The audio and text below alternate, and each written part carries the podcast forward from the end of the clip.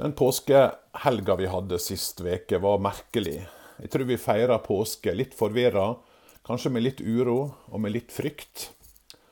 Men den første påska var nok mye vanskeligere for disiplene.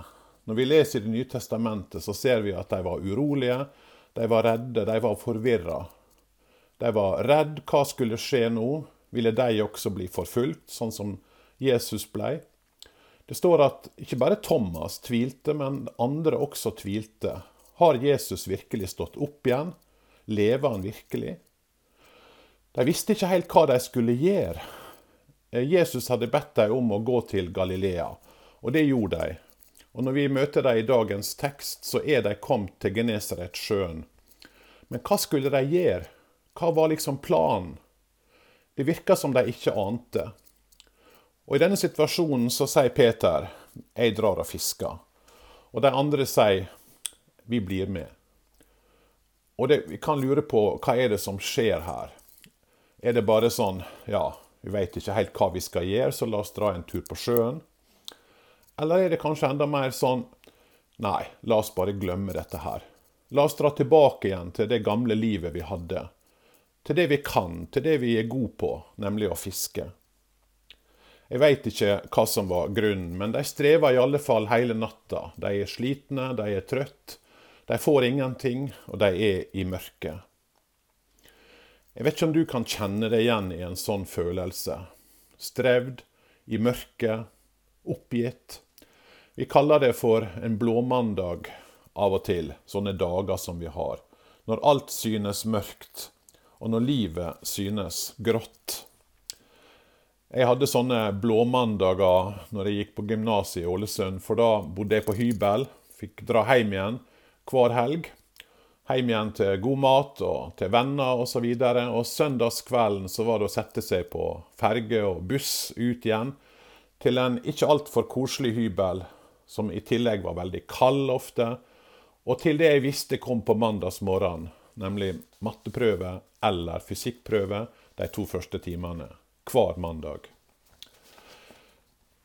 Men ikke bare kan vi ha blåmandager i våre liv. Vi kan også ha det åndelige blåmandager. Da Gud synes fjern. Da det virker som om trua er så veik. Kristendommen virker så stakkarslig. Og Jesus virker fjern. Vi kjenner kanskje at andre har store opplevelser, men vi opplever lite sjøl. Vi verken hører Jesus eller ser han. Og når andre forteller om store ting de har opplevd, så kjenner vi oss utafor. Det er en slags åndelig blåmandag. Søndagsjubelen er borte, lovsangen er stilna, og vi lurer på lever virkelig Jesus? Er det virkelig sant, dette her? Er han her i våre liv nå i dag. Mens disiplene er i mørket denne natta, så skjer det noe. Det står 'da morgenen kom'. På nynorsk står det enda bedre. Det står 'da det lysna av dag'. Da det lysna av dag.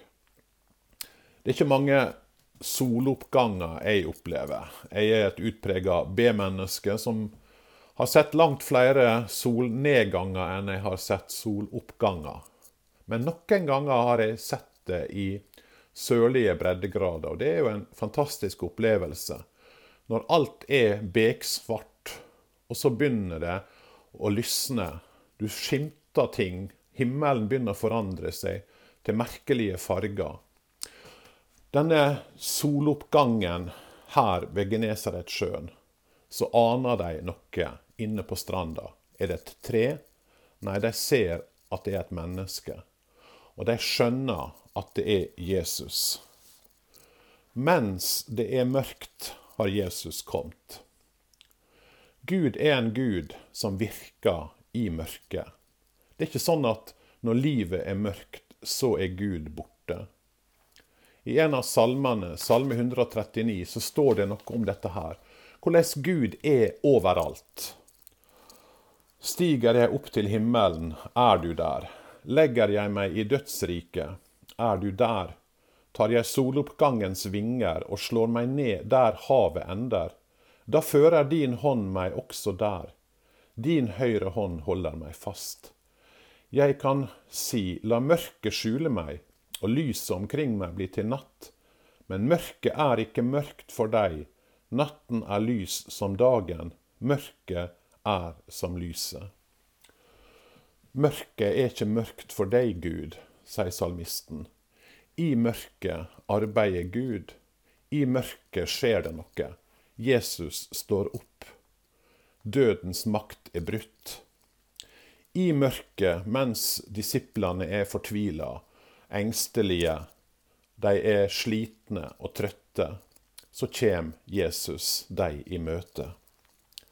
Og Det forteller oss noe om hva Jesu oppstandelse betyr. Sist søndag så snakka vi om at Jesu oppstandelse betyr at vi har håp for våre liv etter døden. Vi har håp om en oppstandelse. En gang så skal vi vekkes opp igjen fra død og grav for å leve sammen med Jesus for evig. Det er et fantastisk håp. Men den kristne trua handler om noe mer enn bare meg og mitt liv og hva som skal skje med meg. Vet ikke om du husker fra skapelsesberetninga. Når vi leser om den i første Mosebok, så står det Jorden var øde og tom. Mørket lå over dypet, og Guds ånd svevde over vannet. Alt var kaos, alt var mørkt, men Gud var der. Guds ånd svevde over vannet. Og så gjør Gud noe i dette mørket. Han skaper. Da sa Gud, det skal bli lys, og det ble lys.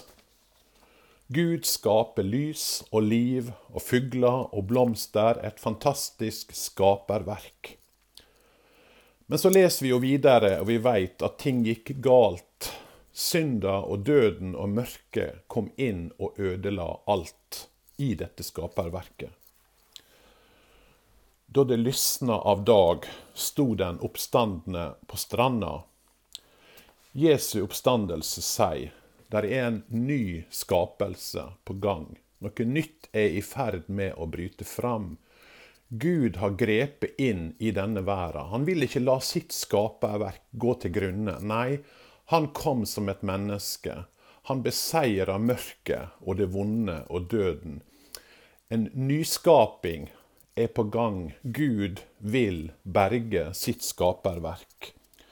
Han er i ferd med å gjenskape en verden, den verden som han hadde tenkt, der det ikke er sykdom og død og mørke og ensomhet. For ikke bare er det sånn at vi mennesker kjenner på mørket. Også skaperverket lengter etter det at det som skal, være ødelagt, skal bli gjenskapt. For det skapte venter med lengsel, skriver Paulus i Romerbrevet 8. Vi vet at helt til denne dag sukker og stønner alt det skapte samstemt som i fødselsriet. Ikke bare vi mennesker sukker og stønner. Hele skaperverket lengter etter Guds nyskapelse. Lengter etter at Gud skal sette dette her i rett stand. Der er håp, sier Bibelen. Og disiplene har allerede fått et glimt av dette nye Guds rike. Gjennom de tre åra de har vært sammen med Jesus, så har de sett tegn etter tegn på at noe nytt er i ferd med å skje. At sykdom blir helbreda, at døve får høre, blinde får se, demoner blir drevet ut, evangeliet blir forkynt for de fattige og for de undertrykte. Og nå, her på stranda denne dagen i Genesaretsjøen, så ser de bokstavelig talt lyset som er i ferd med å trenge gjennom. De ser Jesus, de ser den levende og oppstandende, han som har kryssa døden sine grenser. Dette er bare begynnelsen, sier Bibelen. Hør hva Paulus skriver i første kor 15.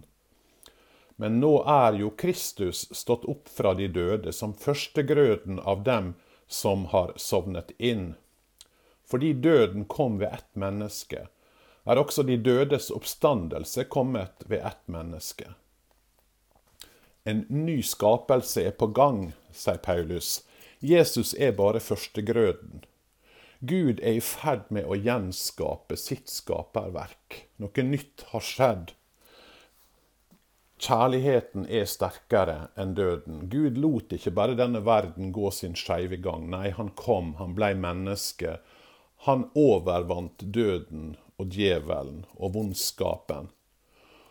Og vi inviteres til å stole på Han, til å skimte Jesus til å se at lyset er i ferd med å bryte fram, og invitere Han inn i våre hjerter. Se at mørket er sterk, ikke er sterkere enn lyset. At Jesus virkelig har seira. At han har all makt. Og at han er i ferd med å gjøre noe nytt. Lyset er i ferd med å trenge fram. Og Jesus han viser det konkret. Han gjør det ved å invitere dem til et måltid. Han har laga i stand et måltid ved dette bålet for sine trøtte og slitne og våte disipler. På samme måte inviterer han oss til måltid sammen med han i nattverden, der han gir oss trøtte og slitne kraft til å leve videre sammen med han kraft til å være vitne for Han. Dette måltidet er ikke bare et måltid der de får litt mat. Nei, i den tida, i den kulturen, så var jo et måltid et fellesskapssymbol. Ved å spise sammen så sier du 'vi hører sammen'. På samme måte så inviterer altså Jesus oss i nattverden til fellesskap med seg og med hverandre. Du er ikke alene der du er. Du er en del av et større fellesskap som tror på Jesus, og som hører han til. Og så sender altså Jesus sine disipler ut i verden med dette budskapet. Og han sender oss ut med det samme budskapet. Slik Faderen har sendt meg, sender jeg dere sa Jesus noen vers litt lenger nede. Misjon er ikke et valgfritt tillegg for spesielt interesserte. Nei, det er sjølve hjertet i den kristne trua at det vi har fått, det vi har hørt, det skal vi få bringe videre til alle mennesker. Det første vitnet, den første evangelisten, eller den første misjonæren, kan du kalle det, var jo Maria Magdalena. Vi leser om denne kvinna i Det nye testamentet.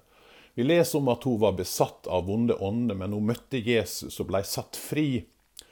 Og Hun er den første ute ved grava påskedagsmorgen. Hun møter en mann, og tror det er gartneren, men når han snakker til henne, så skjønner hun at det er Jesus. Og Jesus, han nesten eh, vigsler henne denne påskemorgenen til å gå ut. Han sier 'gå og fortell'. En forfatter og salmedikter som heter Johan Halmrast, han har skrevet en flott salme om dette møtet mellom Maria Magdalena og Jesus der i hagen. Og salige stund uten like. I den sangen så hettes det Tenk jeg som er ringest blant ringe, den minste han kjenner på jord Tenk jeg skal hans hilsen frembære. Maria Magdalena var nok en av de som var aller nederst på rangstigen, den sosiale rangstigen. Ei demonbesatt kvinne. Johan Halmrast han kjente nok også på at han var nederst på den sosiale rangstigen. Han var født i 1866, men han var liten, han var pukkelrygga, Hendene hans var deformerte, og vi kan jo bare ane hvordan det var å vokse opp i den tida som handikappa, og alt som han måtte tåle å høre. Og det ble ikke bedre. Livet ble enda vanskeligere da faren gikk konkurs. De ble fattige, de hadde store økonomiske problemer. Johan Halmrast prøvde å skrive, han ville være forfatter. Han ga ut mange bøker, han skrev mye. Men han fikk aldri noen anerkjennelse. Bøkene hans ble nesten aldri solgt noe av, og ofte gikk de med tap. Han prøvde å skrive salmer, men han fikk heller ikke noen anerkjennelse for det. Fattigdommen fulgte han livet ut, og ære og berømmelse ble det lite av. Han døde i 1912, bare 46 år gammel.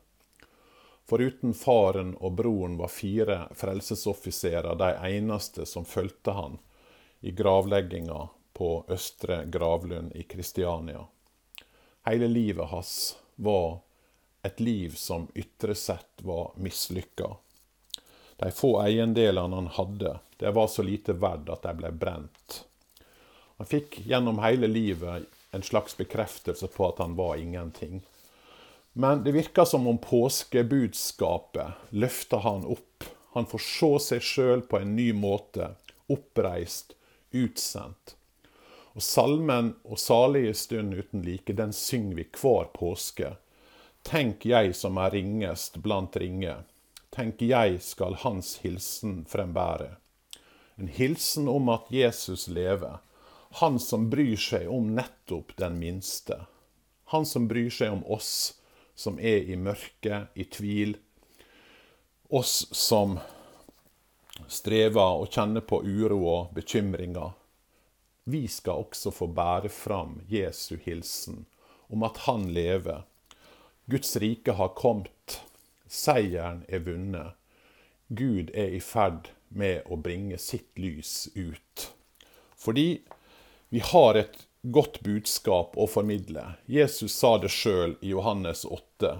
Igjen talte Jesus til folket og sa, Jeg er verdens lys. Den som følger meg, skal ikke vandre i mørket, men ha livets lys. Han sier ikke at han er ett lys blant mange, men han sier han er verdens lys. Og Hvis han virkelig er det, ja, så betyr det at vi kan ikke holde det for oss sjøl. Da må vi dele det med andre mennesker. Med våre naboer, ja. Her i Norge, ja. Men også til alle som ikke har hørt det. Alle som ikke har fått sett at Jesus er det lys som lyser inn i vår mørke. Simon Peter han ble jo et frimodig vitne om Jesus. Eh, de første disiplene vi leser om dem noen uker seinere. De forkynner at Jesus er stått opp, og det vekker motstand. Styresmaktene griper dem, fengsler dem, pisker dem, forhører dem anklager dem og sier at de får ikke lov til å forkynne dette her budskapet. De får ikke lov til å spre budskapet om Jesus, at han har stått opp fra de døde. Og De mener alvor, og disiplene visste at kunne de korsfeste Jesus, ja, så kunne de ta livet av dem også. Og det gjorde de jo også. De fleste av disiplene ble jo drept fordi de forkynte evangeliet. Hva svarer Peter når han blir fengsla og fanga og blir sagt at du får ikke forkynne dette her. Jo, da sier han, men vi kan ikke la være å tale om det vi har sett og hørt. Vi kan ikke la være å forkynne dette, sier Peter. Hvor kommer denne frimodigheten fra? Hvor kommer denne gløden fra, han som banna på at han ikke kjente Jesus bare noen veker før?